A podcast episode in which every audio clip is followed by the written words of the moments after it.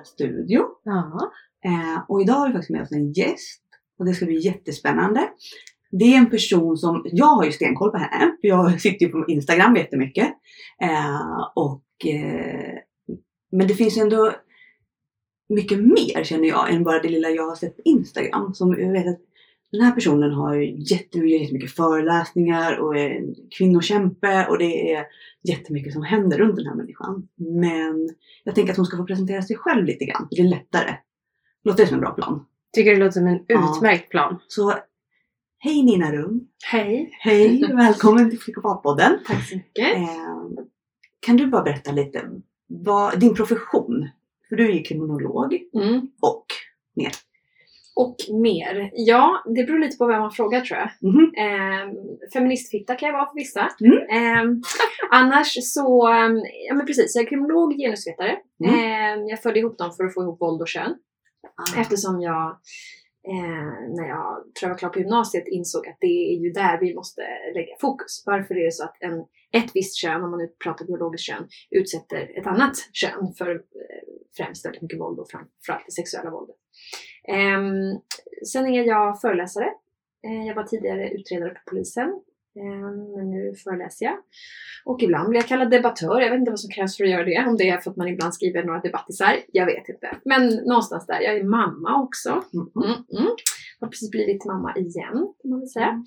Ja, det Ja. kanske är lite av det. Men då, då har du jobbat hos polisen. Ja. Ja. Men du slutade där för du kände att det var bättre att göra andra saker då? Eller fanns det någon anledning eller var det Jag lite... tyckte det var en ganska ledande fråga. Men, Ja. eh, men, precis. Jag, eh, jag slutade för att jag ville jobba mycket mer förebyggande. Ja. Eh, och det hade inte polisen resurser till.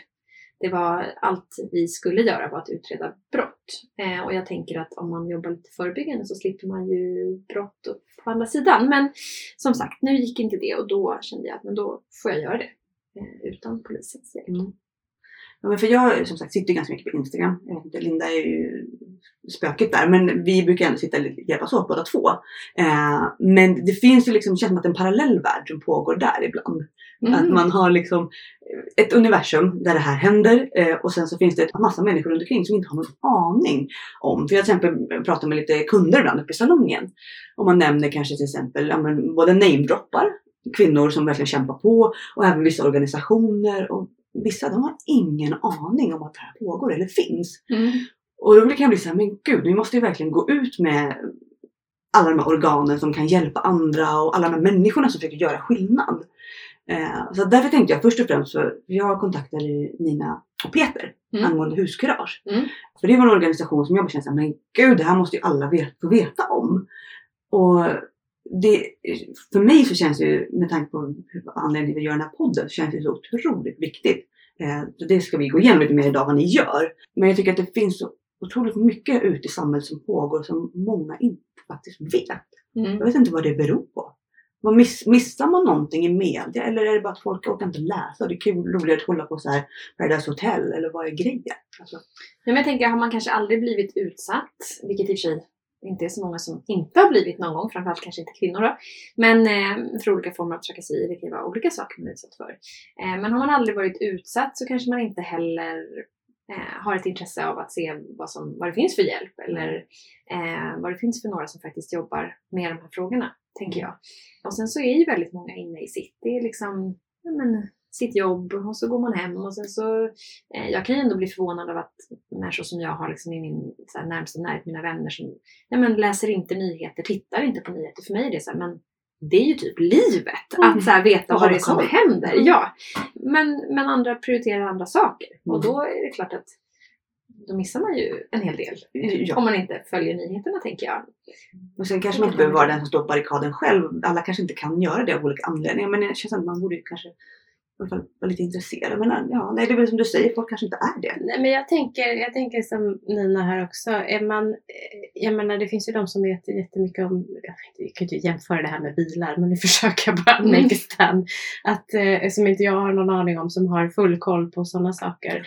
Eh, och, och eh, män tänker jag på många gånger då inte har, för jag, vi pratade om det innan vi satte igång här, att folk undrar, men hur kunde du bli utsatt för det här? Och, och, och jag har sagt till folk att jag lovar dig att nästan Alltså du har flera kvinnor i din närhet som har blivit utsatt. Nej, säger de. Fråga lite, säger jag. Kommer tillbaka. Jäklar, det finns ju massa. Mm. Och då väcker man ett intresse. Mm. Och då ser de det, men man ser ju inte det man inte har intresse av. Nej, folk går inte runt med en t-shirt bara jag har fått stryk eller liksom, man har Nej. inte den. Nej men jag tänker just på nya, och, och, men det tycker jag borde ingå i, jag tycker det borde ingå i allmänbildningen. Mm. Att veta vad som pågår. Mm. Mm. Eh, det är min personliga åsikt, men jag tror att det skulle hjälpa alla om vi hade. Det var jag som svarade, men jag var bara tvungen att flika in. Ja, nej men jag tycker... Mm. Ja, men jag tänker för att jag brukar ju fråga både unga och vuxna som jag träffar i olika så föreläsningssammanhang och så. Ibland så kan jag fråga så här, men okej, hur många av er i det här rummet, och säga att det är 300 personer då, har varit utsatta för, och så kanske jag drar då, ja men typ, eh, fått höra sexistiska kommentarer, blivit utsatt för liksom, penetrerande eh, sexuella övergrepp, alltså våldtäkter, eller blivit tafsad på och så vidare. Och i stort sett 100% av kvinnorna i de här rummen, eller tjejerna, räcker upp handen. Och finns det då män eller pojkar i de här rummen så ser de alltid lika förvånade ut. Att de är så här, men va? Alla verkligen? Och jag tänker att det är också sådär, om man inte är en del av att leva med rädsla, om man inte är en del av att leva med liksom, att man måste ha fullständig koll när man går hem från tunnelbanan eller bussen eller att man eh, har en levd erfarenhet av att varit utsatt så, så tror jag man så himla lätt bara kan gå igenom livet och inte ens förstå att det där äger rum. Och därför tänker jag också att det är så bra just så här, men börja fråga då. Mm. Fråga runt, ställ frågan, bara var lite intresserad. Hur är det för dig? Har, hur, har liksom, hur har du haft det när du växte upp? För uppenbarligen har vi kunnat växa upp i samma skola, men du har helt andra erfarenheter än vad jag har. Av att till exempel gå i de här korridorerna eller gå förbi den här bänken där det har suttit killar och kommenterat tjejers utseende i tre års tid. Men för killarna har inte det varit ett problem, för de har inte kommenterat killarna. Så, eh, så det är nog också starkt kopplat till vad man kan liksom identifiera sig med. Ja, för det blir som parallelluniversum lite nästan. Ja. Vissa personer, man men jaha, vi är inte på samma Men planet. jag tycker att ett exempel är så roligt när man har eh, man är tillsammans med någon och så säger ah, men jag kommer hämta dig, gå inte ensam en ikväll. Vad menar du? Att alla män är potentiella våldtäktsmän eller? Mm. Det sa jag inte. Det sa du ju. Det är ju Mm. du som säger det. Det är ju Mm. inte jag som har sagt det. Mm. Jag vet ju om det. För att jag lever ju i den. Men du behöver ju, om, om du Alltså, de behöver syna sig själva i det, Mm. för det kommer ju ofta den kommentaren. Mm, ja, verkligen. Och går det inte hem själv liksom. Nej. Eller ring mig på vägen och så Ja. vidare. Ja. Och, och då Mm. får den här syn, ja okej, du lever i en värld där alla är potentiella. Mm. Ja, jag gör faktiskt det.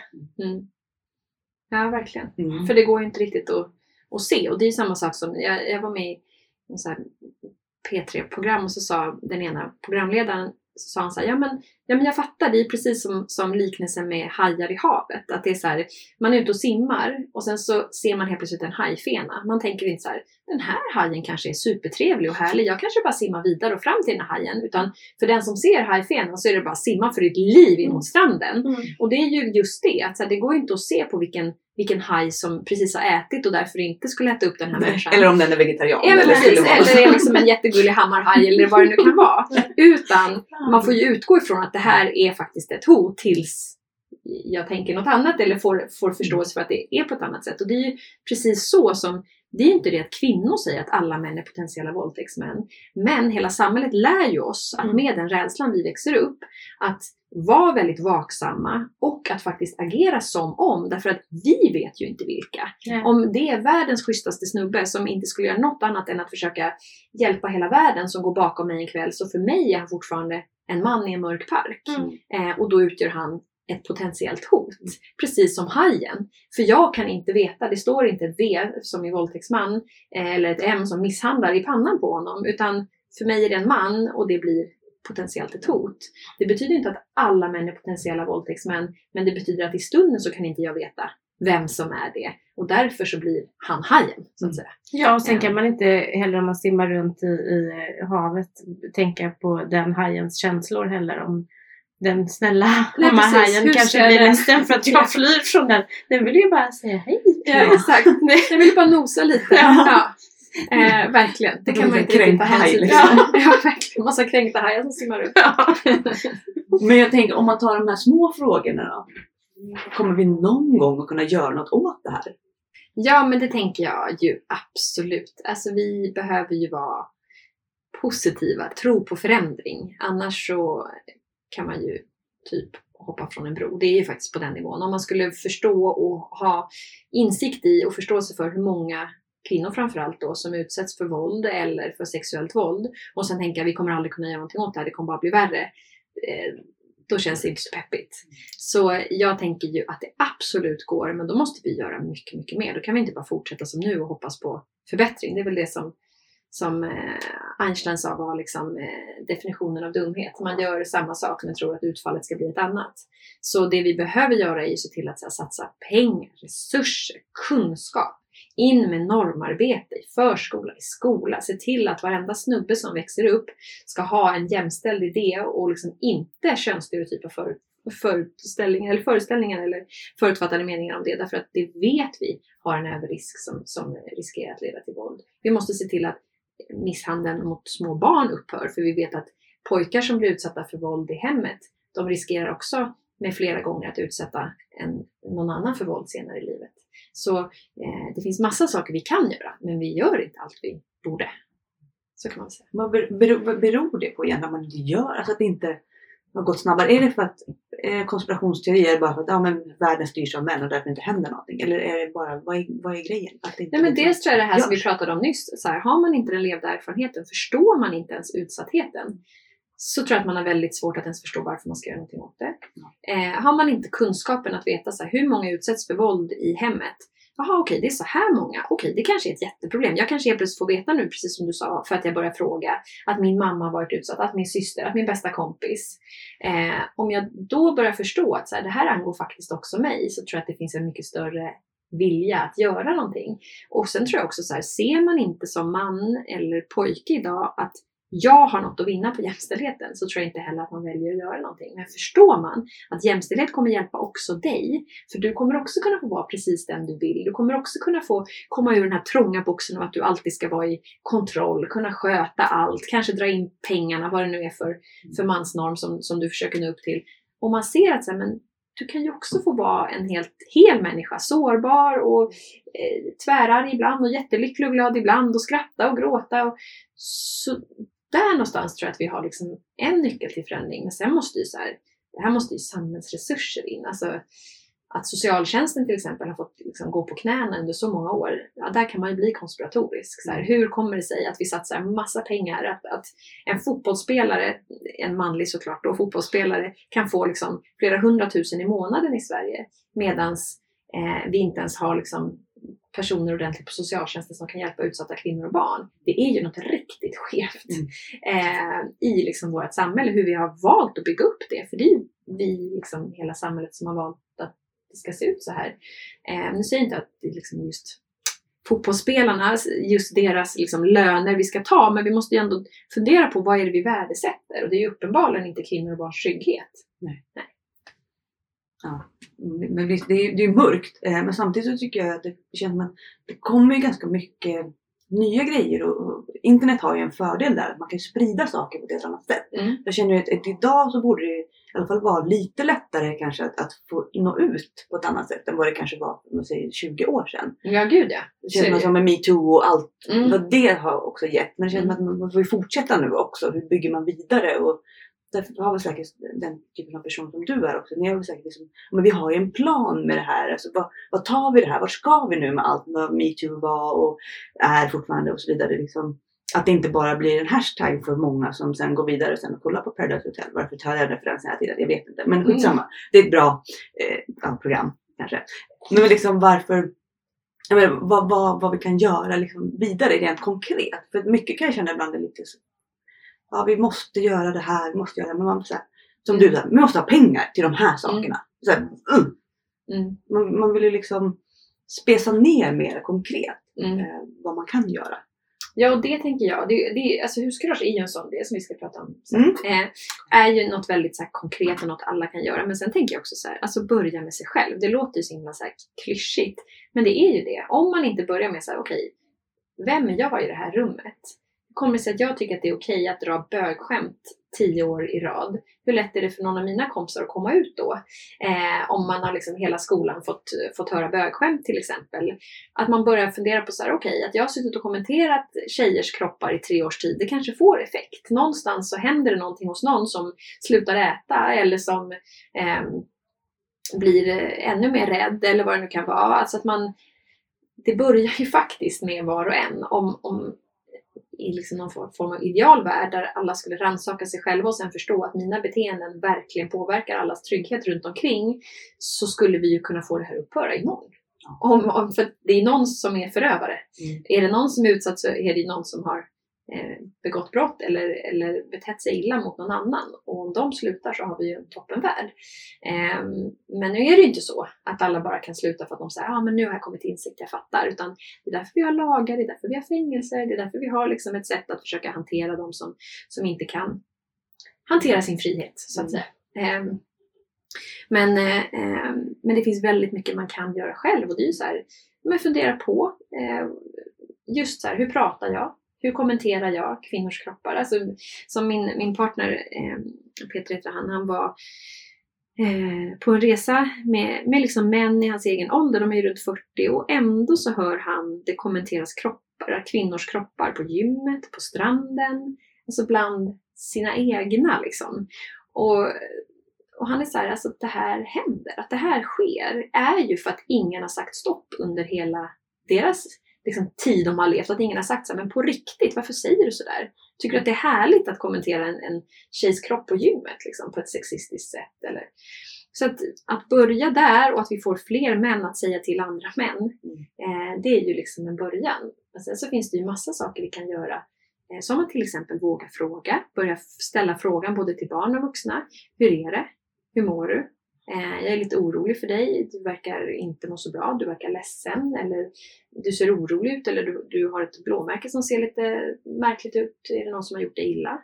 Alltså att vi börjar fråga och vågar liksom bry oss om varandra. Det är också en annan norm. Att faktiskt så här, omtanken blir norm. Ja, och där vill jag ju flika in det här som, är, som, som vi pratade om innan, som jag brinner för också. När du får höra att någon har blivit utsatt för någonting, fråga inte vad den personen har gjort för att bli utsatt. Mm. För att den, fråga inte vad personen har gjort för att bli utsatt, för det är Nej. inte den personen som har utsatt sig själv. Det handlar inte om det. Det Nej. är så himla viktigt, för det kan också få människor att men jag har skinn på näsan, jag kan svara för mig, jag blir förbannad. Men sitter du i en situation och är väldigt svag efter att ha varit utsatt så kan det vara det som gör, som gör att du tippar över. Du kanske Mm. går tillbaka, du kanske tar livet av dig till och med. För att du känner dig så värdelös. Så det, det, det Det är så jag... många som kan stjälpa i det där, inte Ja. bara förövaren utan Vad folk har, du omkring. gjort, ja. vad har du gjort för att bli... Mm. Och det, och det gäller våldtäkt, misshandel, alla Mm. sådana saker. Att man lägger skulden på, på offret. Mm. Bara no way. Jag skulle Nej. vilja ha en hashtag för det. Mm. Ja men verkligen. Eh, ja, men just det här också, varför lämnar du inte när en människa slår dig? Så här. Alltså, det är mer komplext än så. Det är inte bara så här, "Ah, men nu går jag. Mm. Nu orkar inte jag, men nu går jag. Men det handlar inte om det. Det handlar om att den här personen kontrollerar hela din värld och alla dina tankar. Du kan inte ens, du kan inte ens motivera dig själv och känna så här, jag är värd bättre. Utan du känner så här, men det här har ju jag gjort mig förtjänt av. Mm. Att det här har den människan talat om för mig. Mm. Jag har ju faktiskt, det är mitt fel det här. För att jag har ju inte gjort som han sa eller är. Ja, Liksom. men, och sen våldtäktsoffer Ja. som, man, som man liksom pratar om. Som man, eh, Ja, men jag var ju för full. Eller jag, Ja, liksom- fight, flight, play dead var en god vän som sa till mig. Det är våra tre grejer. Och det är någonting av det gör man ju och ingenting av det är fel. Utan det är ju något... Eh, Nej men det är samma nu, jag har börjat, man ska inte kolla på den, den är så mycket triggervarning, men Michael Jackson dokumentären, Mm. eh, den är ju fruktansvärd. Men där är ju också den här att, att allt våld är inte alltid våldsamt. Alltså det här sexuella våldet, övergreppen som sker, som inte alltid är misshandel, att någon har slagit dig, utan det kan vara en människa som tar kontroll över dig och tar på dig, fortfarande vänligt. Men det är inte, du har inte gett det godkännande. Du är inte liksom, du vill inte, men du kanske inte vågar säga nej. Men den här personen liksom smeker försiktigt. Men det är fortfarande ingen snäll handling och det är fortfarande inte okej. Och det är det som många liksom är såhär, ja men det var, han slog ju inte mig eller han gjorde inte si eller så eller vad det nu är. Utan de, de har målat upp en bild om att det måste vara aggressivt. Det är som vissa kvinnor som jag pratar med på nätet också, med, i podden. Som bara, jag blev aldrig slagen. Men jag känner mig misshandlad ändå. Bara för att allt det psykiska våldet var så fruktansvärt. De var helt nedbrutna. Och det, var så här, det känns som att han slagit mig men jag har ändå inte blivit misshandlad då. Alltså, fast jo det har du ju. Du har ju faktiskt blivit misshandlad. Men de, Mm. de kan liksom inte se. Man ser inte det så. Nej. För att man inte förstår att det är faktiskt en misshandel också. Att det psykiska är precis lika jävla hemskt. Mm. Eh, och jag tror det också känns också som en, en kunskapsfråga igen. Att man behöver faktiskt, vad, vad är, vad- alltså vad- när man säger våld. Måste det handla om att man får en knytnäve i ansiktet? Eller liksom, Mm. förstår du? Det, det, jag vet inte, när, när, när du har föreläsningar så är det någonting du märker att folk liksom kanske inte är så kunniga alla gånger eller känner man att det blir bättre och bättre? Ja, alltså om de inte känner till det så är det inte så att de säger det till mig efteråt oftast. Ehm, idag till exempel så var det ju faktiskt en hel del unga, men det här var ju på högstadiet, som var så här, ah, men nu förstår jag, eller så här, aha, ja, nu, nu liksom trillade plätten ner, jag har aldrig tänkt på det på det sättet, men vuxna är ju inte så villiga att berätta om sin Nej. okunskap. Mm. Så de kommer inte direkt fram och säger så här, men gud, jag har aldrig förstått att liksom, psykiskt våld kan vara våld. Eh, men gissningsvis så lär de sig väl en hel del eh, kring det. För framförallt de som aldrig ens har funderat på liksom, vad är våld i nära relation. De kanske bara läst någon berättelse i tidningen någon gång om någon kvinna som blev supermisshandlad eller till och med dödad. Och sen så är det liksom den referenspunkten man har till våld i nära relation. Man går inte igenom sånt här i skolan alls? Eller man gör inte det? Eller? Nej. Nej. Eh, Jag minns inte att vi hade det på biologi. Eller kanske där man skulle ha. Eller samhällskunskap. Jag vet inte. Men- nej. nej, men det gör man ju inte. Och det är ju ett problem. Framförallt eftersom vi vet att var tionde barn lever i hem med våld och ser sin, framförallt sin mamma bli slagen. Eh, och var sjunde barn har, har liksom minnen av att själva bli slagna. Mm. Så det är väldigt, det är flera barn i varje klass som har minnen av våld eller har sett eh, sin mamma utsättas för våld. Så eh, att man inte pratar om det mer när vi också vet att det är att ha den typen av erfarenhet vet vi gör att man får precis samma symptom som ADHD-symptom. Svårt att koncentrera sig, svårt med minnet, svårt att sitta still, svårt med impulskontroll. Och så frågar vi fortfarande inte om våld utan vi bara diagnostiserar barn med ADHD och så ger vi dem kanske medicin och sen så tillbaka in i hemmen liksom där, där det här får fortsätta. Ehm, Så det är ju ett jätteproblem verkligen. För vi, det är ju massa barn som hamnar på efterkälken och som inte ens kan göra någonting åt det. För de kan ju inte välja vilket hem de hamnar i. Ehm, Men de är ju gisslan liksom, i det. Ja, verkligen. Ja. Ehm, Men jag faktiskt så håller jag på att ta fram ett material. Vad som, eh, ja, som Mm. ska liksom vara det är så helt fritt för alla att sen Mm. gå in på den här sidan och plocka ner in, kort information om, men jag tror att det är fem delar jag valt, typ misshandel, eh, sexuella övergrepp, porr och så vidare.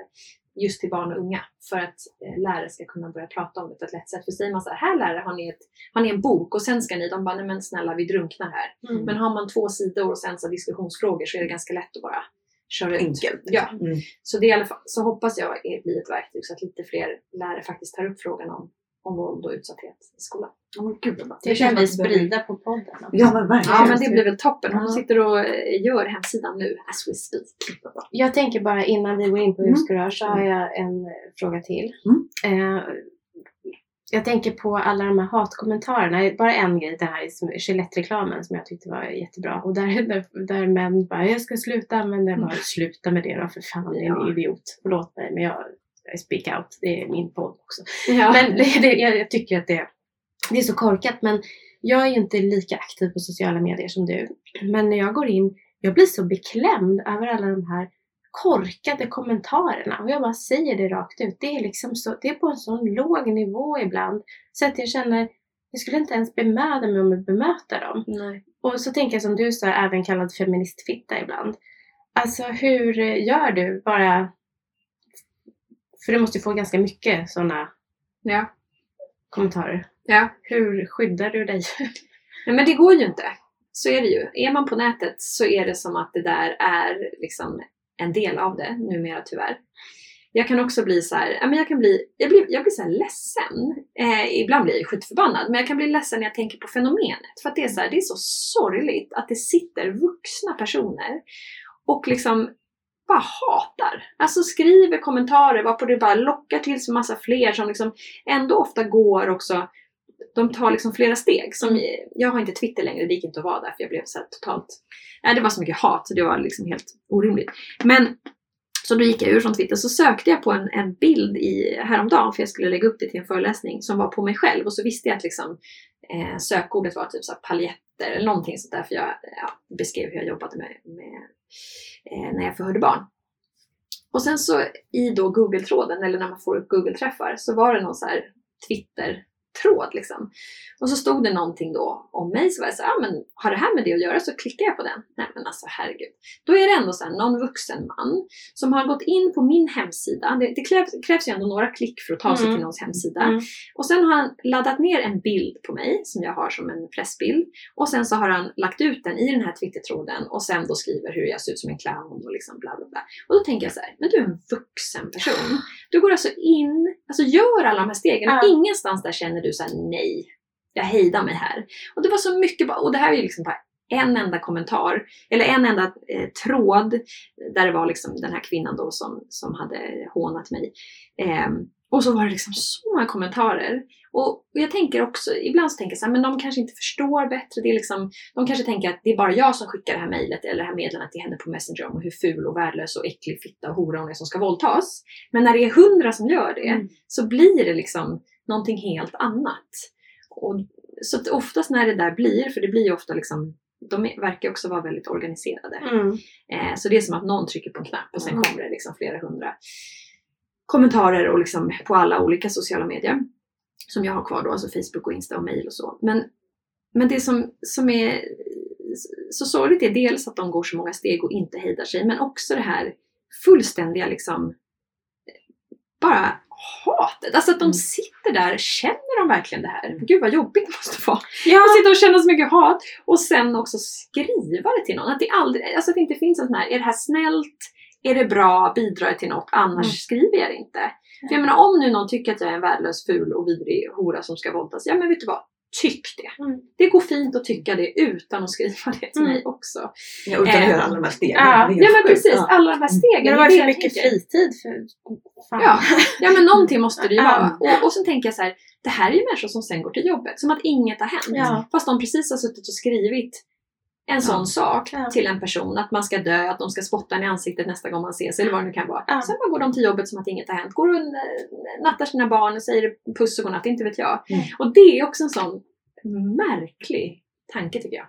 Så eh, vad jag gör, eh, alltså jag vet ju att när det där händer och det är ofta, eh, det är ju det är vissa grupper som hatar feminister, så är det Mm. Ehm, och eh, det brukar liksom vara i två, tre veckor Mm. när det är som värst och sen lugnar det sig. Och har man varit med om det några gånger så är det så här, okej nu vet jag att nu kommer det vara skitjobbigt i två, tre veckor. Jag kanske låter någon annan läsa mina sociala medier. Jag kanske eh, ser så här, okej det här är något mejl som kommer från någon som jag inte ska läsa. Eh, så det är ju ett sätt, alltså att be någon annan Filtrera liksom. Ja men Ja. precis, läsa igenom eller så här, om någon stor profil i sociala medier så har skrivit någonting och man vet att okej det kommer finnas så mycket hat och typ rejäla hot på den här Mm. sidan. Då går jag inte in utan då kanske någon annan går in och säger så här, fast det här ska faktiskt polisanmälas. Mm. Det här har, liksom, här har gått för långt. Ehm, så det är väl egentligen det enda sättet för så länge man är en kvinna som har någon form av liksom röst och någonting som man vill säga och det framförallt är kopplat till feminism eller antirasism eller så. Då är det hat och hot. Det, det är liksom det är en konsekvens. Så ser det ut just nu. Ja, det gör mig både ledsen, jag känner att jag och så jätte. Mm. Så att jag blir, och det är därför jag ibland undviker. För att jag, jag var ju med för många, många år sedan, startade på nätet, det måste vara 99 någonstans, ett forum för utsatta kvinnor. Och då fick jag en så intressant mail hur någon skulle knulla mig tills jag satt i rullstol och kände så här, varför ska det alltid vara sådana där idioter? Ja. Och då var jag så här full i skratt när jag fick det, för då, då var det så jag tänkte, men vad, vad säger du Ja. människa? Vad är, vad är problemet? Kolla upp IP-numret och se att det är någon som är i 45-årsåldern som sitter och skriver det. Någon Ja. man i Mellansverige som har liksom ett vanligt jobb. och inte låta bli. Eh, och, det, ja, och, och det var ju så länge sedan. Mm. Men där kände jag ju, och, och sen nu när jag ser att det är så, det var ju innan sociala medier och så Mm. nu ser jag det överallt så tänker jag hur, hur många sådana här människor finns det Mm. egentligen? Och det kan skrämma mig. Så jag brukar välja att ta lite avstånd för annars så Mm. blir jag så luttrad på världen. Känner att Mm. då behöver jag lite mera glitter och Ja men kärlek. Fint. Ja men precis för att Det väga upp det. Ja men det blir så jäkla mörkt. Så att jag, jag tänker att eh, Men ja, någonstans är starkt det av dig i alla fall att ta Ja. det. Vill jag bara säga. Ja, att det, Ja. De här som står på barrikaderna är fantastiska. Man Mm. blir såhär, men gud att ni gör det. Bara kämpa på liksom. Det, Ja, men jag tänker så alternativet är ju Ja. Inget. Alltså alternativet är ju att bara sluta och det går ju inte. Mm. Och det som är så sorgligt, precis som du säger, så att du, okej, du startade ett forum för utsatta kvinnor. Mm. Alltså hur kan det uppröra någon? Ja, det är det som är så sjukt. Att så här, nej men alltså, jag pratar om feminism, jag pratar om jämställdhet, jag pratar om någonting som kommer att hjälpa också dig som hatar och Ja. dina barn. Ja. Hur kan det leda till att jag ska våldtas eller dödas? Ja. Det, för mig är det så här, vi försöker skapa en bättre värld.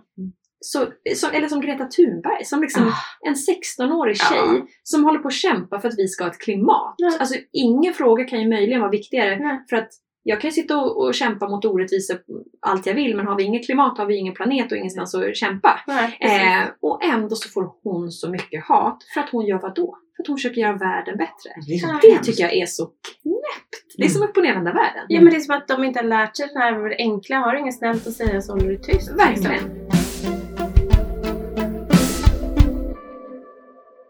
Vi har ju tagit hit Nina för att vi vill prata om huskurage. Mm. Eh, det är ju också... Försöker jag vända min bild i min telefon när jag har Det går. Det går sådär faktiskt. Var glad att du slipper ha trasiga glasögon. Ja, det bara spårar där. eh, nej men som sagt, om vi går tillbaka till huskurage som jag känner var eh, jätteviktigt. Mm. Eh, när jag levde i min relation med den här mannen eh, under 11 års tid så vet jag ju att grannar är ju någonting som är ganska nära. Eh, och vissa lägenheter man bor i är ganska lyhörda. Mm. Eh, nu bor jag i en nyproducerad lägenhet, där är det jävligt tyst. Men, Mm. men i den här gamla som jag bodde i, i Enskede, där var det ju typ tunna väggar. Och jag vet att under ett och ett halvt års tid, så det paret som bodde under mig, mannen där var polis.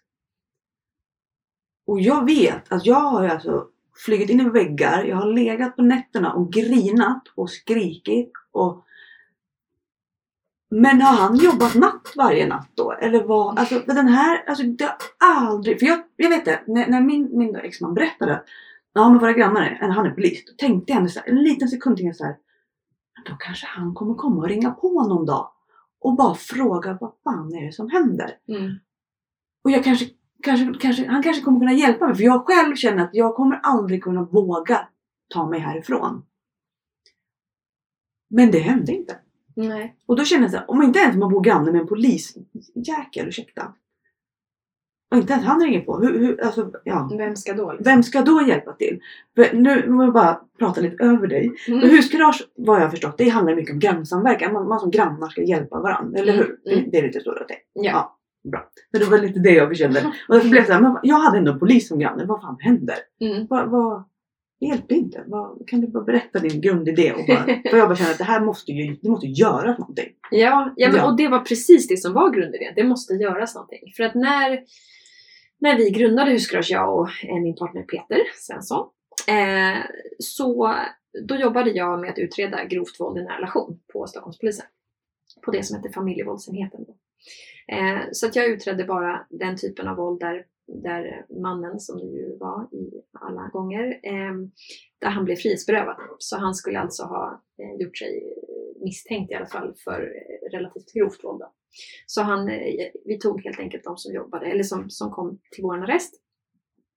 Eh, när jag hade jobbat där några år så blev jag så otroligt frustrerad verkligen. För att när vi knackade dörr efteråt, efter att misshandeln hade skett och kvinnan kanske låg på sjukhus eller hade liksom grova skador på olika vis. Då kunde grannarna berätta massa saker. Ja, ja, ja, men det är alltid så där och det skriks och det, ja men absolut och ibland är hon liksom, har hon blåtira här och jag var så här: okej. Men varför har de aldrig gjort någonting? För mig var det verkligen, nej men det var så otroligt märkligt bara. Och det var, vi hade flera liksom berättelser där det var så här, men nu måste ni driva mig. Men jag minns en specifik trappuppgång faktiskt.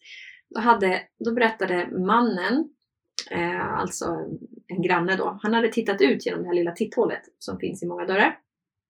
Därför att mitt emot honom så hade det skrikits och det alltså lät, han hörde ju tydligt att kvinnan blev utsatt för våld, så var det ju.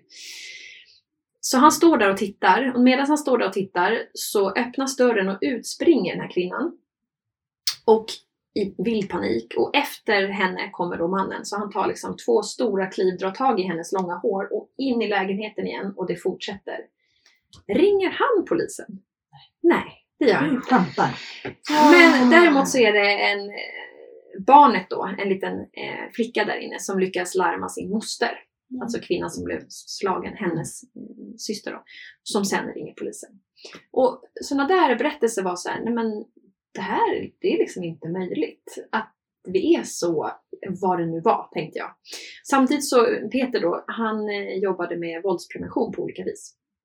Framförallt inom, eh, med att få väldigt eh, grovt autistiska eh, barn och unga att inte bruka våld. Så han Mm. jobbade förebyggande på olika vis och hjälpte grupper för att se hur ska vi som personal jobba våldsförebyggande så vi ska slippa allt våldet liksom, för en ungas skull.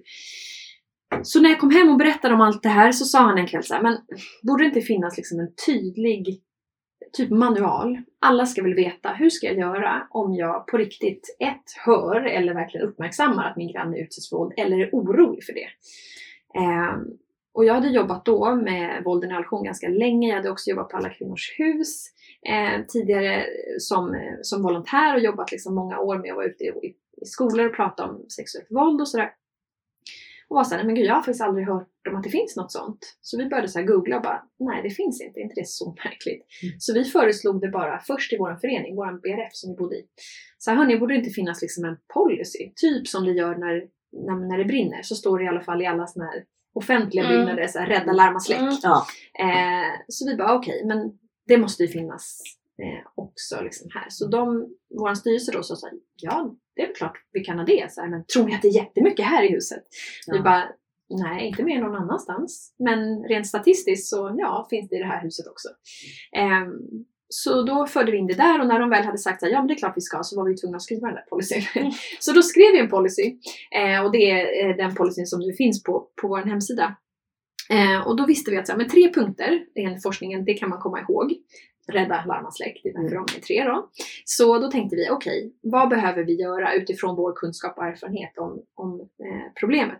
Så då eh, skrev vi den som att ett, knacka på, ring på hos grannen du är orolig för och att man gärna då står kvar och frågar, hej, vet du, jag är jätteorolig för det här jag hör just nu. Eh, det är skrik, det är dunsar, vad det nu än är, gråt. Ehm, hur, hur är det här? Finns det någonting jag kan göra? Vill man inte stå kvar, knacka på och gå därifrån och ring polisen så länge du gör någonting som visar att du faktiskt hör och uppmärksammar det här. Två, ta hjälp av fler om du inte vill stå kvar själv. Så fråga så här, ring på hos grannen och bara kom nu går vi tillsammans för nu är det knas nere på tvåan. Mm. Eller vad det kan vara. Eh, och tre, ring alltid polisen om det är akut eller hotfullt i första hand. Liksom. Men man kan ju alltid gå och knacka på och gå därifrån och ringa polisen. Det är det som är så fint med mobiltelefoner. Ja. Ehm, Så det är liksom vårt mission och i det här, när man inför huskurage då, då lämnar man ut en information till alla grannar om vad våld i relation är, hur många det drabbar och så vidare. Och sen så sätter man upp den här policyn. Och sen så önskar vi när bostadsbolag eh, inför, alltså större, de som har hyreslägenheter och så, då vill vi gärna att de antingen tar dit liksom kvinnojouren eller kvinnofridssamordnaren i kommunen eller någon, de kan ta dit oss också, men att, att, de, får, att de får mer kunskap. För Mm. det är så många bostadsbolag som är såhär, nej men vi tillhandahåller lägenheter. Vad har vi med våld i nära relation att göra?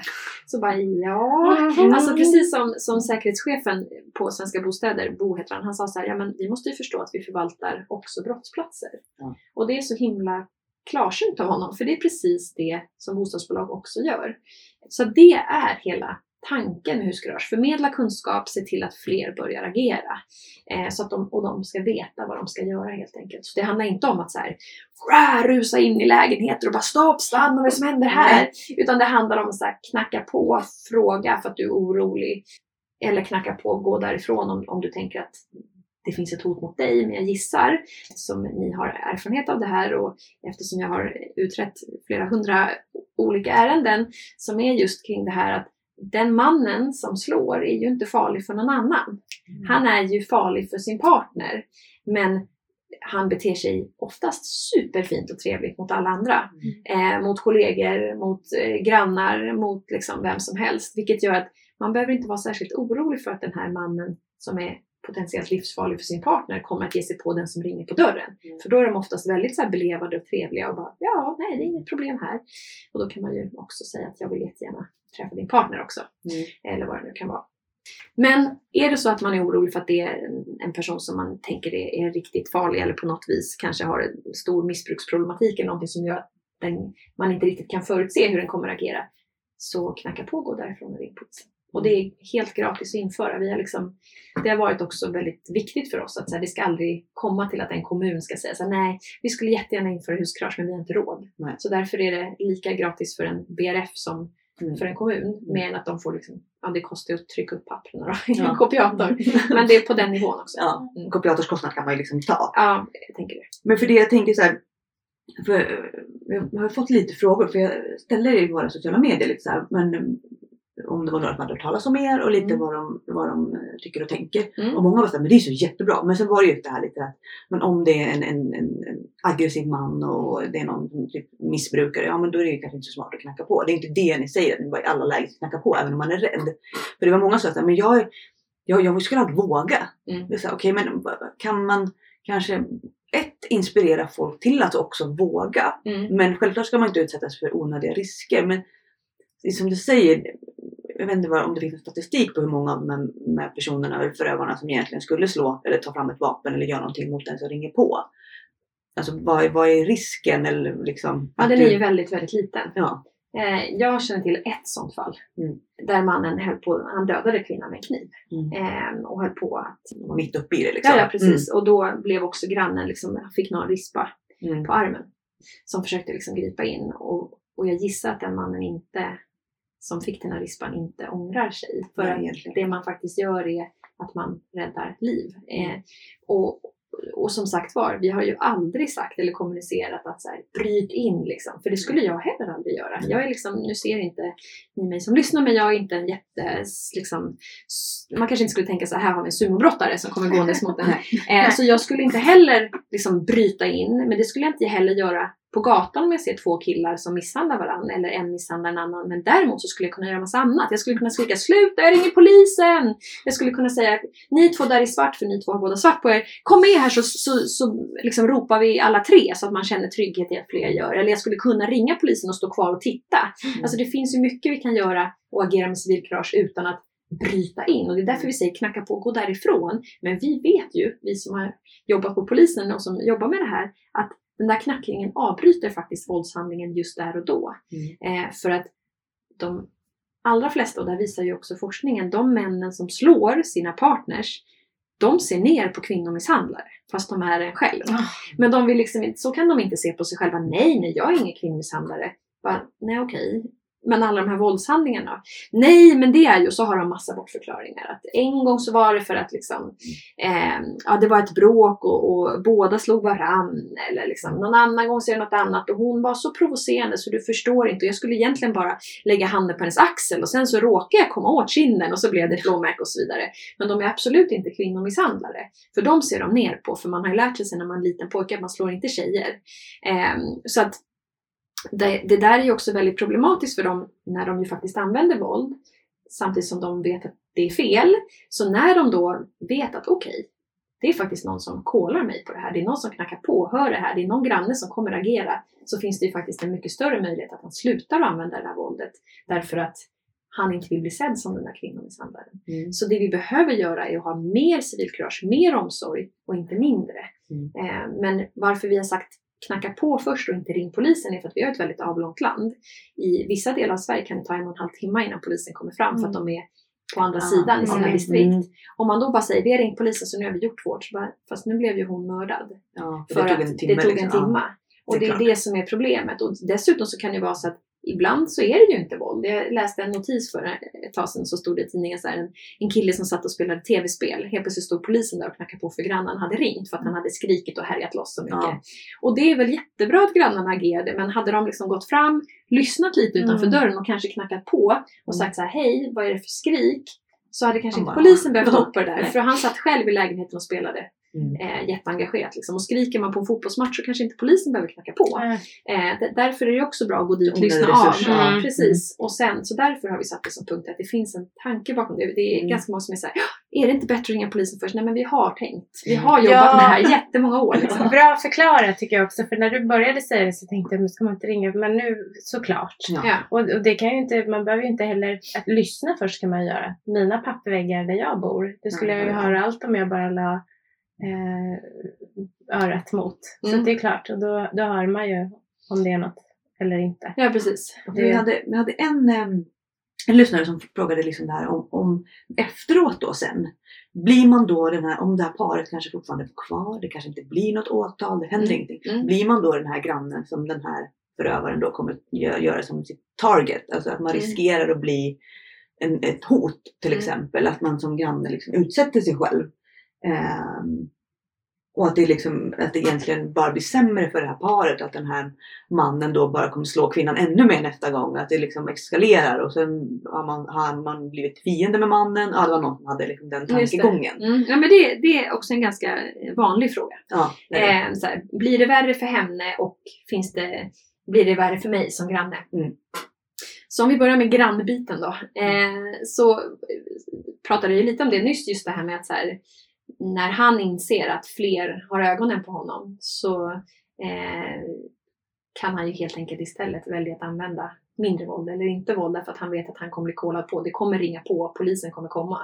Eh, så eh, därför så, så är min erfarenhet och många, många med mig som jag jobbade med eh, i, på polisen alltså, eh, vår erfarenhet är helt enkelt att det blir inte sämre för kvinnan utan snarare en möjlighet just för henne att ett, så här, men du kan inte hålla på för folk kommer komma hit. Mm. Alltså det är ju faktiskt, det blir ju någonting hon faktiskt kan Mm. nästan ställa mot hans liksom, våld.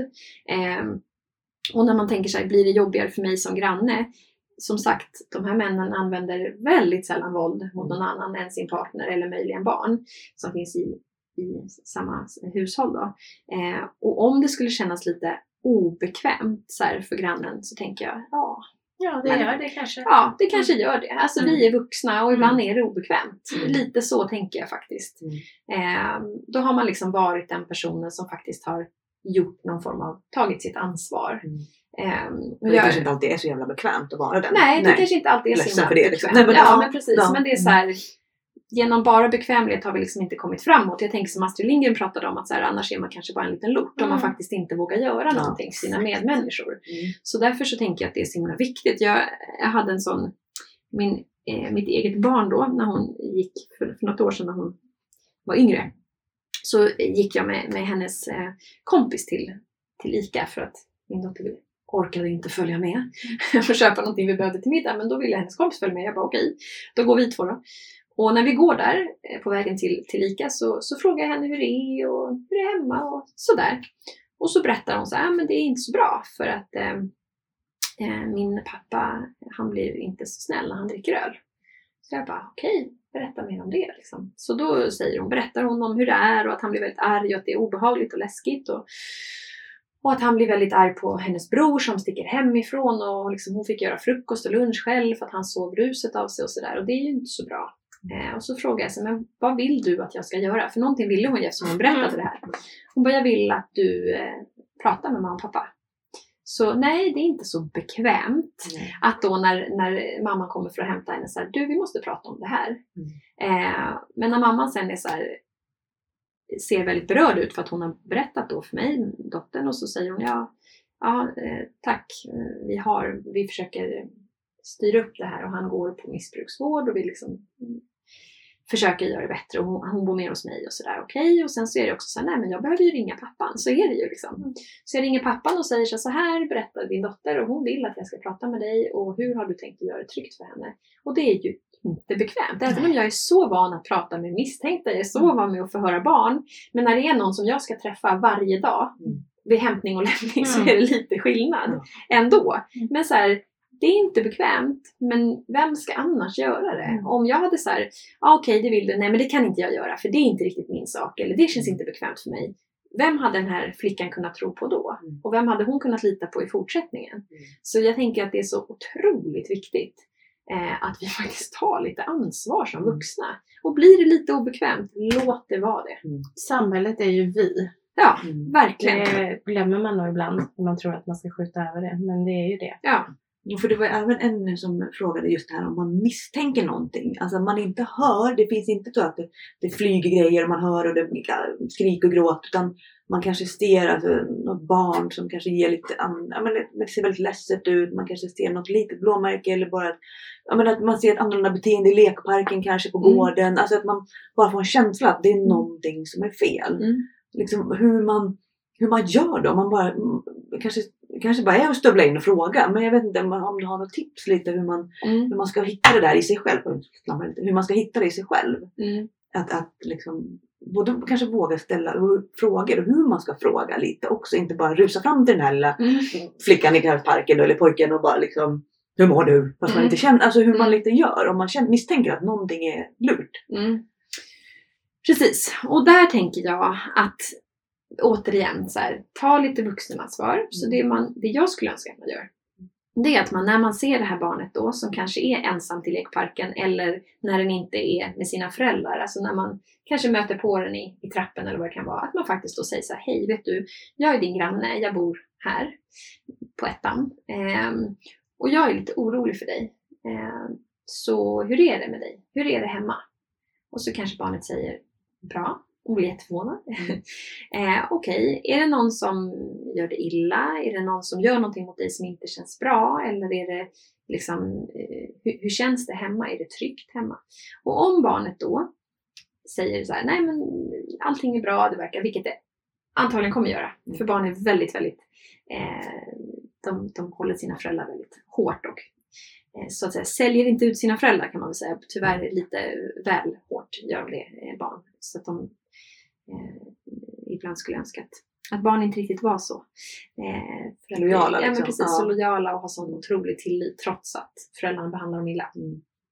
Men oftast är det så. Och då kan man säga så här, men vet du, om det är någonting någon gång som händer, då finns jag här. Eh, här bor jag, man kan ge telefonnumret om barnet är lite äldre och säga så här, är det någonting, knacka på då. Mm. Så att man i alla fall har gett barnet en väg ut. Mm. Och någon som, att, att man, ja, och att man visar att så här, någon har sett det här. Mm. Det är också därför det är så viktigt tänker jag att knacka på. För att om det är så att man är orolig för att det är barn som far illa. Att man visar att så här, det här är inte okej. Så här ska inte vuxna vara mot barn. Man ska inte skrika på det här sättet mot barn. Man ska inte eh, dunsa eller eh, göra barn rädda eller vad det nu kan vara. Och det är också en viktig signal till, till barnen ju. Ehm, så det tänker jag. Och sen gör en, en orosanmälan till socialtjänsten. En orosanmälan är ju verkligen av oro. Mm. Det, man behöver inte ha kött på benen. Du behöver inte veta exakt vad som pågår. Eh, om det är våld, missbruk, vad det kan vara. Utan du är orolig och det är Mm. det du gör anmälan på. Så det skulle jag också önska. Och det har vi också skrivit på vår policy. Om det är så att du är orolig för att barn far illa på annat sätt, kontakta socialtjänsten och gör en orosanmälan. Eh, och jag tänker att det vi framförallt, det vi pratar om nu, det är ju också att förändra normen. Att gå från det här till att nej men det är någon annans, det är inte mitt, till att nej men det är omsorg. Jag bryr mig om. För om alla började se det som att en orosanmälan är för att jag bryr mig om. Mm. Att jag knackar på, det är för att jag bryr mig om. Då är det också väldigt svårt att vara arg på den personen Mm. som Inte gör en anmälan. förstöra någonting. Precis, som Mm. är såhär, jaha men du gjorde det faktiskt för att du bryr dig om. Mm. Det är en stor skillnad och det är också så en del i huskurage att vi verkligen så vill förändra den normen. Mm. För det blir så, ja men då ringde socialen på oss. Liksom. Exakt. Ja, Mm. elaka jävlar. Ja, istället för att så här, men gud de är faktiskt oroliga för våra barn, det är egentligen en fin sak. Mm. Det, ja. ja men det, det, sen, sen var vi frågan eh, om, man, om man vill införa det här eh, i sin förening eller i, ja, i, i sin... Hyresrätt eller vad? Ja, vad, vad Mm. heter det? Ja, precis. Mm. Eh, om man blir bemött med motstånd och liksom, Finns det någonting man kan liksom göra där? Kan man, kan man ringa er och bara hej kom och hjälp och övertyga dem? Eller vad, finns det något, kan man göra någonting? Man känner att men det här måste jag föra in. Det är Ja. Jättesvårt. Men att det är motstånd? Ja, Ja. alltså dels så kan man verkligen fråga sig vad beror motståndet på? Mm. Alltså det är gratis att införa. Allting finns på vår hemsida. Det finns på sju andra språk om man vill ha. Det har vi inte lagt upp än men det är på gång. Mm. Ehm, så det är så här. man behöver inte ens översätta. Liksom. Nej, alltså så här, Ja. vad är det om? För att häromdagen så gick jag förbi en skylt som är ganska nära där vi bor så står det typ så här, här värnar vi varandra och så grannsamverkan mot brott. Mm. Och det är så lätt att sätta upp skyltar. Alla köper in sig på idén om grannsamverkan som Mm. ju handlar om att motverka inbrott. Ja. Hur kan man ens tycka att det finns ett motstånd när vi värnar mellanmänsklighet? Mm. När vi inte bara värnar liksom saker, Ja, att någon precis. ska komma in och sno en smycken och pengar och TV eller vad man nu har hemma. Utan att någon faktiskt snor ens värdighet och, och kränker en annan Mm. person. Hur kan inte det också vara att vi värnar varandra? Eh, så ja men det är Mm. galet. Mm. Och, så det tänker jag är liksom, det är det vi vill få ut. Så att det, det är väl det, man får väl dra ett brandtal. Ja, men det är faktiskt gratis. Ja, Och det, men- jag skrev faktiskt ut pdf-erna och det var väldigt enkelt. De var väldigt fina och enkelt och det var liksom såhär, det här ska ni ge till boende Mm. och sen var det våran policy. Det var ju Mm. inte liksom jätte brain surgery på något sätt Nej. alls. Det var jätteenkelt. Ehm, Det var bra, för det ska Ja. vara jätteenkelt. Men om det sitter i trappen så tänker jag också om du är en abuser och så sitter det i trappen, bara det, det kan ju vara lite avskräckande. Mm. Och, och det vi pratade om också förut när vi säger att om, om någon har sagt någonting och en granne som är lite obekväm. Eh, jag kan ju tänka mig att den där mannen kan ju bli mycket trevligare mot den där grannen till Mm. och med. För att försöka... Visa att man är inget, eh, Exakt. det här är inget knas minsann. Nej, Mm. så det kan man ju också tänka på. Mm. att han faktiskt kan bli en, en super nice. Inte att han Mm. kanske kommer med hembakta bullar men vet men kanske fixar tjänster eller gör sådana saker för att visa hur bra... Han egentligen är. Ja, Det jag tänkte på om man, om man, eh, eh, man sätter upp det här. Vi säger, jag må, man måste ändå få BRFN, om man nu bor i bostadsrättsförening. Man precis, det är måste ett få deras, styrelsebeslut. de, de måste, måste okej, så kan man sätta upp det i trapphuset. Mm. Eh, finns det någonstans information för kvinnan också? Om vi säger den här som blir kanske slagen. Alltså att man kanske har det parallellt som man sätter upp kvinnojourslappar. Eller att man dubbelt jobbar dubbelt där. För då blir det också, det här blir ju mer för alla grannarna. Att nu Mm. måste vi hålla ögonen öppna och faktiskt de där nu på tvåan Mm.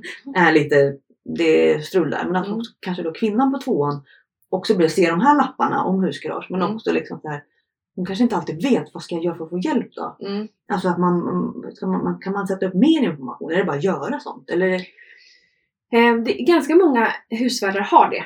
de har det? Ja, Mm. de har, alltså de stora kommunala bostadsbolagen i, i Stockholm till exempel har det. Där står det, i tvättstugan brukar det stå och sen i entrén så står det typ så här, hit kan du ringa Kvinnofridslinjen och eh, eh, det kan vara olika jourer till exempel. Eh, eftersom den här är till hela eh, Sverige, Mm. alltså våran eh, mall eller sådär, så har vi inte satt dit några nummer. Nej. Däremot vet jag att flera kommuner har valt och bostadsbolag har valt så här, här är nummer till Mm. den lokala eh, SOS-jouren till exempel och sådär. Så det kan man ju såklart lägga till. Ehm, och det kan man göra eh, själv också. Eh, alltså med styrelsebeslutet då, att man, att man inför husgarage. Och sen kan man ju sätta upp liksom, Kvinnofridslinjen till exempel. Den skulle vi faktiskt, eh, det är en ganska bra poäng, den skulle vi kunna ha, för den är ju nationell. Ja, den kan man ju alla ringa va? Det- Precis, Ja, den ja. är gratis. Den är gratis, så man kan ringa också som man- anhörig. Så Ja. Jag är jätteorolig för min syster eller Mm. min bror eller vad det kan vara som använder våld. Så kan det Mm. också vara att man är orolig att ens, någon i ens närhet använder våld. För man, Eh, jag kan tänka man hajar väl kanske till om det sitter där när man kommer ut från hissen och bara och ser man där och så kanske man Mm. är hon. Mm. Som liksom, Ja men precis, för tanken är ju varför vi har liksom valt att från början att inte ha det med har varit för att säga, nej men det här är det som ska stoppa våldet som gör att det aldrig behöver hamna på ja. en kvinnojour. Mm. Eh, men det är klart att så här, det är ju den bästa av världar.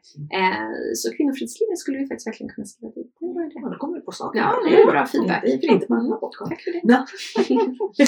eh, jag tänkte så här, jag hade en liten fråga. Det är kanske, om det är någon som har ringt och eller typ hört av sig till er och varit förbannad för att ni har satt upp det här och liksom gjort det här. Om det är någon som har verkligen varit arg på det här. Nej, Nej, men det, det har vi faktiskt aldrig fått. Eh, däremot så finns det faktiskt en person eh, i Sverige som är emot huskrasch och som Aha. eh, motarbetar på alla sätt han kan. Nej men gud. Mm, det är superspännande. Nej men. Ja, så att han skriver debattartiklar mot det här och han får flera bostadsbolag att bli oroliga för att verkligen införa. För att han också eh, med illvilja såklart missförstår och säger att vi säger att folk ska in och ingripa liksom och, så här, och att det kan vara farligt och det har vi ju aldrig sagt. Utan Nej. knacka på, gå därifrån om du inte vill stå kvar. Eh, men eh, det är den enda, det tydliga motståndet Mm. eh, som vi har. Men han är väldigt ivrig och idog i sitt arbete så han Okej. skickar ut mejl till våra samarbetspartners och han liksom Mm. Eh, är verkligen sådär. Så googlar Den man lite så kanske man, han kommer upp också och ploppar Ja. upp där som en tomte. Ja, Den shit. personen skulle jag vilja tipsa om typ Röda Korset, Rädda Barnen. Det finns massa jättebra saker att engagera sig i där man kan hjälpa människor. När man har mycket energi. Så jag ja. tänker så här, ta din energi, det är en hälsning från mig Mm. personligen. Ta din energi och gör något gott i världen. Mm. Ja men verkligen. Det Mm. tycker jag vore en bra sak. Kanske är det för att han driver någon form av konkurrerande verksamhet som kostar pengar. Ja, Så kanske är det det som gör att han vill Mm. in i bostadsbolagsvärlden på samma sätt som, som vi har kunnat göra med Mm. att erbjuda det här och säga att så här, vet ni vad, ta det, gör vad ni vill med det, Mm. eh, för det är gratis. Men kalla det gärna huskurage, för ju fler som använder samma ord, desto Mm. Lite som större spridning för grannsamverkan polisen för grejen. grannsamverkan. Ja. Om det Mm. kallades grannsamverkan någonstans och eh, grannar mot inbrott någonstans och så skulle man ju inte, det skulle inte få samma verkan. Nej. Så därför så önskar vi att man kallar det just huskurage. Så att man vet, så men just det, huskurage, vad är det nu det är? Just det, jag ska faktiskt agera. Mm. Eh, så. Men, men ingen annan som har varit arg för att vi har gjort det. Ja, Men polisen då, de vet om att ni finns? Och de, Absolut. de är liksom... absolut. I Mm. varje kommun som vi inför Mm. så har vi med polisen.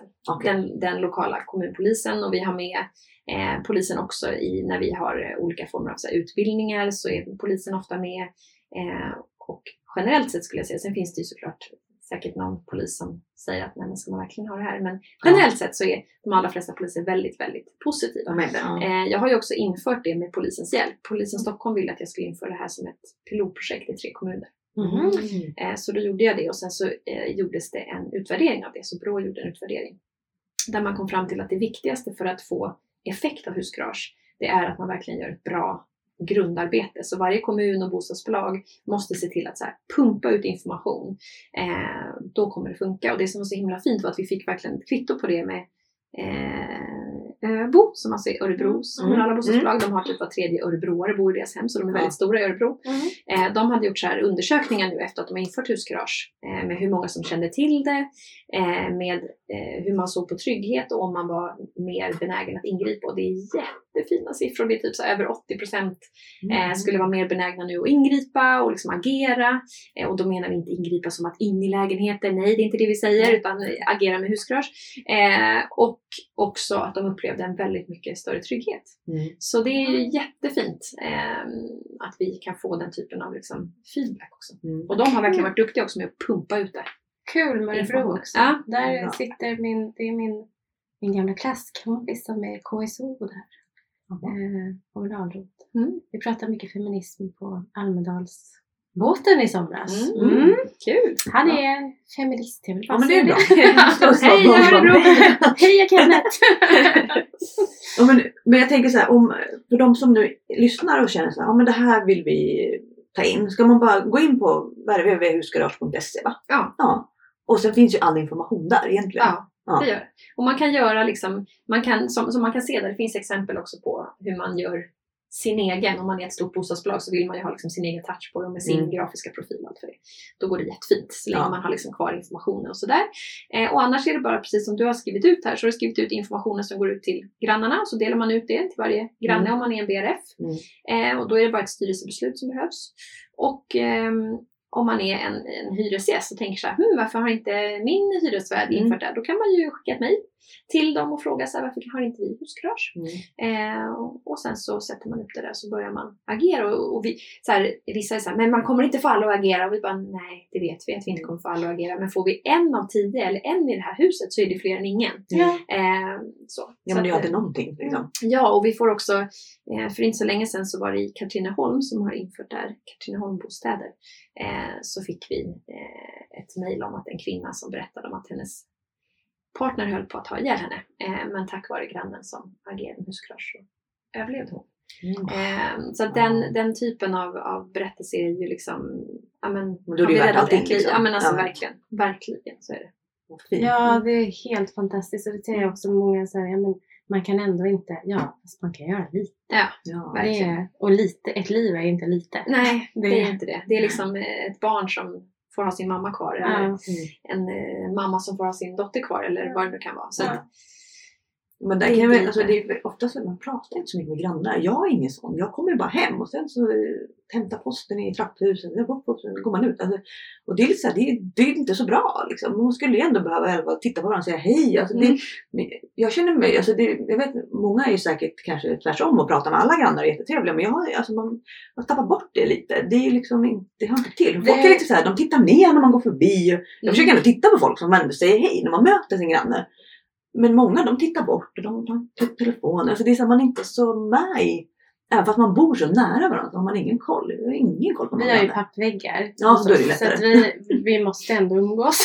Så det är liksom- Nu hostade han i. Men vi hade Ja. faktiskt, eh, jag och eh, Nikita höll på och då var ju faktiskt Psykot Mm. bodde hos oss då. Och då var det ingen fara utan vi höll verkligen på att busa.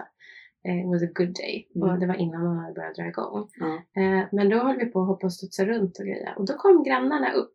Mm. och frågade vad vi höll på med. Mm. Och jättetrevlig, vi bjöd in dem på kaffe då. Så. Mm. Men då tänkte jag tänkte på det nu, för de hade ju koll. Mm. Och frågan är om de inte hade lite tanke med den saken också. Jag vet inte det, det är en efterkonstruktion nu. Ja. Eh, Men det kan ju vara så det att de ändå vara- kände att Ja, att det Ja. var lite så. Men det var lite fint ändå. Så Mm. att de, nu var det ju ingenting då. Mm. Och han gjorde aldrig någonting som hördes. Det var aldrig några sådana bråk överhuvudtaget. Mm. Liksom, utan det var väldigt tyst. Ehm, men i alla fall. Mm. Det var det bra. känns ändå som att, att, att, bara titta lite mer på sina grannar och bara säga hej. Jag känner Mm. också att det är någonting som man har tappat lite Ja. idag. Lite grann. Jag vet inte, det var lättare förr när man bodde i mindre samhälle. Men idag känns det som att eller så är det bara kanske jag som är opersonlig. Nej, men jag tror att det är ganska vanligt. Jag tror, det, jag tror att det är ovanligt att bo som vi gör. Det Mm. liksom, Den kollektivkänslan. Ja. ja. det, Ja, nej men jag tänker också, jag är precis likadan och är såhär, men hälsa ska man i alla fall Mm. göra. Och jag kan gå så här muttra som en riktig tant efteråt när jag "Men du kunde åtminstone sagt hej. Alltså för Ja. det är verkligen så här, Men det är så jävla typ titta ner, Ja. man bara, men hallå vi bor i samma område. Om Mm. någonting händer dig så skulle jag faktiskt se till att göra vad jag kan för att det inte ska hända Mm. dig. mm. Och här går du och inte ens hälsar på mig. Ja, alltså det är liksom, eh, det, det är märkligt. Ja. Så ett hej kan man tycka jag kostar på sig. Jag tänker att det handlar, liksom, börjar handla om så här, uppfostran. Mm. Man Ja. hälsar väl på människor, Ja. punkt. Ja. Liksom Mm. som bor i ens område. Så här, ja. Hej, tack, Ja. hej då. Alltså det Ja, men det gör jag när jag liksom. hälsar på andra också i Mm. deras trapphus. Jag Ja. hälsar på deras Ja, grannar. ja, jag för att det, man står i hissen och man nickar till varandra. Liksom. Så, Ja. eh, Man det- delar precis som, som, jag menar, man kan ju dela hela liv om man bor länge på ett ställe. Ja. Så man kan ha liksom levt helt parallella liv med en person utan att knappt ha 30 liksom... år. Ja, vilket är så här, det är så märkligt. Ja. Eh, så jag tycker så här, nej men då Nej. stämmer vi att vi säger hej till varandra. Ja. Ja, och sen så inför vi huskurage blir Ja. det tryggt också. Har ni någon, jag tänker målbild, att alla ska ha det här? Vad- Ja, vad- målbilden vad är i och för sig att ni det ska liksom? behövas. Ja, ja nej, det är absolut. Det skulle vara eh, fantastiskt. Men, men eh, vår eh, andra målbild eh, det är ju att det här ska finnas. Det här ska Mm. vara norm. Mm. Normen är att vi agerar och bryr oss om och, Mm. och liksom använder vårt civilkurage. Mm. Allting annat ska inte vara norm. Mm. Det är vår, så här, eh, vårt mål. Eh, och såklart att så här, våldet ska förhindras och stoppas med det här. Så att vi får mindre våld. Alltså det är ju Mm. liksom ett stort mål. Sen har vi också haft så här, vi har ju varit säkra på att så här, men börjar man i hemmet så kommer civilkuraget leta sig Mm. utåt. Och vi blir så himla glada nu, för jag vet inte om ni såg det, men var det i höstas nu så kom SL ut, som är ju Stockholms lokaltrafik, Mm. eh, med så här, visa kollektivkurage. Ah, Eh, Mm. jo, så då hade de eh, liksom en, en kampanj då om att man skulle agera och ringa typ något trygghetsnummer om man såg något eller Mm. sådär som man uppmärksammade som inte kändes bra. Och för något år sedan så kom eh, Länsstyrelsen Stockholm ut med eh, resekurage. Men- Som ju Ja. handlar om att man ska säga till och agera om man eh, tror eller på något vis är orolig för att barn köps i barnsexhandel utomlands. Ah. Så vi tänker att så här, kuraget, jo men det sprids. Mm. Arbetsplatskurage. Exakt, skolkurage, finns det allt möjligt kurage Ja. man faktiskt behöver. Eh, behöver. Mm. Så det är ju också ett litet mål att faktiskt få mer civilkurage. Men vad bra. Det, det känns ändå, just när man träffar såna här typer av människor som du så känner man ändå att det finns ju hopp. Ja. Ibland känns allt så jävla mörkt. Man blir bara det här är bara Det är Man man tittar tittar på mörker. trollen på nätet. Ja, det är mörkt. Alla, alla som är så ledsna och mår så dåligt och blir utsatta för de här hemska människorna och det är bara liv som förstörs och det är sådana ja, dominoeffekter. Liksom. En person är utsatt för en förövare så runt om så bara blir ett hav av misär. Men, men det känns ändå som att sådana här konkreta grejer, jag tycker det är så viktigt att, att man liksom har du några andra tips på, även om du kanske inte ska rekommendera någon annan organisation, men saker jag gärna. Ja men det får du också. Mm. Men liksom så här, andra tips. För det här huskurage, jag säger bara, vi kommer ju lägga upp länkar och allting så att folk bara ska höra av sig till er eh, omgående. Men finns det andra här som du känner som du också brinner för? Som liksom som har med både våld och nära relationer att göra. Liksom, som, är redan konkreta. Ja, men jag, då har jag flera tips. Mm. Ja, men då skulle jag vilja att, nu är det här lite saker som händer på nätet då. Ja. Men dels så finns det ungarelationer.se, eh, Tusen möjligheter som är en eh, ungdomsjour. De har startat upp ett arbete för de har jobbat väldigt länge med just våld i ungas relationer. Mm. För vi vet ju att den grupp som är mest utsatt för våld i en relation och sexuellt våld, det är tjejer mellan 16 och 24. Mm. Får vi in 16 till 35 så har vi liksom ringat in den största, absolut största gruppen. Så eh, det är jättebra. Eh, där kan man få hjälp om man är en sån som utsätter. Om man är en kompis som är rädd att någon ska utsättas eller är kompis till den som utsätter och den som utsätts. Mm. Så det är jättebra tycker jag. De finns på Insta och de finns lite överallt. Tusen möjligheter och ungas. Jag Eh, och sen, eh, eh, sen tänker jag att vi behöver lära alla barn om kroppslig integritet så att Mm. det finns en mindre risk att de blir utsatta för både våld men också sexuellt våld. Eh, och då behöver vi hjälpa barn med att förstå vad kroppslig integritet är. Mm. Och då tänker jag bara lite kort och det så finns det ju på Rädda Barnen. De har Stopp min kropp. Heter det materialet som är Mm. jättebra. Det finns på nätet och man kan få hem liksom, på mail eller så kan man beställa hem liksom, en broschyr typ eller vad man ska säga att det är. Men det jag skulle vilja lägga till där, för det handlar ju om att man lär barn om privata delar. Mm. Alltså så här, de här delarna är privata, där får ingen ta på dig. Eh, helt enkelt kan man ju säga till mindre barn och till äldre barn kan man säga där får ingen ta på dig som du inte har liksom, samtyckt till. Då. Eh, och då är det munnen, för där sker många övergrepp mot små barn som man kanske inte tänker på. Då. Så munnen, snippan, snoppen, rumpan och så brösten då när eh, tjejerna blir lite större. Och att man då lär dem dels det, men sen så här, okej, vad ska de göra med den infon? Om de bara vet det, då kan de ju inte få hjälp. Så det vi behöver sen säga, det är att så om någon tar dig på de här delarna eller begär bilder på de här delarna på nätet eller så, då vill jag att du ska veta att dels så säger du stopp eller går från datorn, säger till en förälder eller någon du litar på. Men sen också berättar alltid om någon gör det här eh, till en vuxen som du litar på. Och då ska de kunna också namnge dem de litar på. Mm. Alltså typ mamma, pappa, eh, Sofie, Lars, vem det nu är, Mm. eh, fröken, läraren i skolan, vem det nu än är. För att vi kan inte stoppa alla förövare, så är det. Men vi kan däremot se till att barn åtminstone har kunskap nog att veta att okej, det här är min kropp, där får ingen gå över mina gränser. Och gör någon det, då vet jag vad jag ska göra. Mm. Så det är också tips som jag skulle önska att alla pratar med sina barn om. Och nej, man behöver inte vara jätteorolig för att barn ska komma med tusen följdfrågor, för det, följdfrågor, för det gör de inte. De säger typ så här, aha, Mm. okej. Okej. Eh, och ibland så kanske de ställer typ så här, aha, får man inte eh, ta på dem? Nej, okej. Alltså de, barn är ju så självklara. Mm. Mm. Eh, så att det behöver man inte vara särskilt rädd för att man behöver dra liksom, åh gud, hur en våldtäkt för en femåring. För det behöver man inte. Eh, man kan också bara säga så här, men det finns människor och det finns vuxna som ibland inte vill barn gott. Mm. Som ibland vill barn illa. Mm. Och jag vill därför att du ska veta det här. För om det är så att någon gör det, och man behöver liksom inte, det är ingen liksom, barn tar det. Mm. Eh, men också ehm, att man pratar med att de som kontaktar en på nätet, att man aldrig kan veta vem det är. För även om den skriver att det är liksom Kalle 16 så är det kanske egentligen en Ulf 65. Mm. Eh, och att man också berättar om det. Eh, för det tänker jag är viktigt för barn att veta. Eh, så det är väl mina så här, mest konkreta tips vad man kan göra nu och idag. Och det är ju inte så att man heller ska ta det här snacket så här superallvarligt, man sätter sig mitt emot barnet och tittar i ögonen. Utan hellre ta det där snacket så här, på väg till duschen, om man sitter och äter middag, på väg till föris eller skolan. Men att man liksom pratar. Och sen Mm. skulle jag också vilja att man pratar lite mer om porr. Mm. För det var någonting som jag upplevde dels när jag utredde grovt våld eh, mellan vuxna men också mot barn. Att porr har en väldigt ofta en stor del i det där. Att männen ofta vill att man ska titta på porren tillsammans eller att man ska göra det, ställa upp på det som de har sett i porren. Mm. Och mot barn så gör de det de har sett i porren. Att vi faktiskt pratar mer med våra unga men också med varandra. Så här. Mm. Hur har porr influerat oss? Eh, vad har jag fått för liksom, tändningsmönster kopplat till porr? Eh, hur letar man samtycke och sådär. Eh, och då finns det på Unisons hemsida till exempel, unison.se, de samlar ju lite drygt hälften av alla tjej och kvinnojourer i Sverige. Eh, så finns det en jättebra sammanfattning av eh, forskning kring porr som heter Porr och prostitution. Så det skulle jag också tipsa om. Mm. Så, Ja, det var Ja, en tipslista. bra. Ja. Och vi kommer lägga upp det. Vi Ja, kommer skriva ner lite ja. noteringar och så Ja. lägger vi upp det på inlägget också. Ja, Så att man kan ha det i, i text.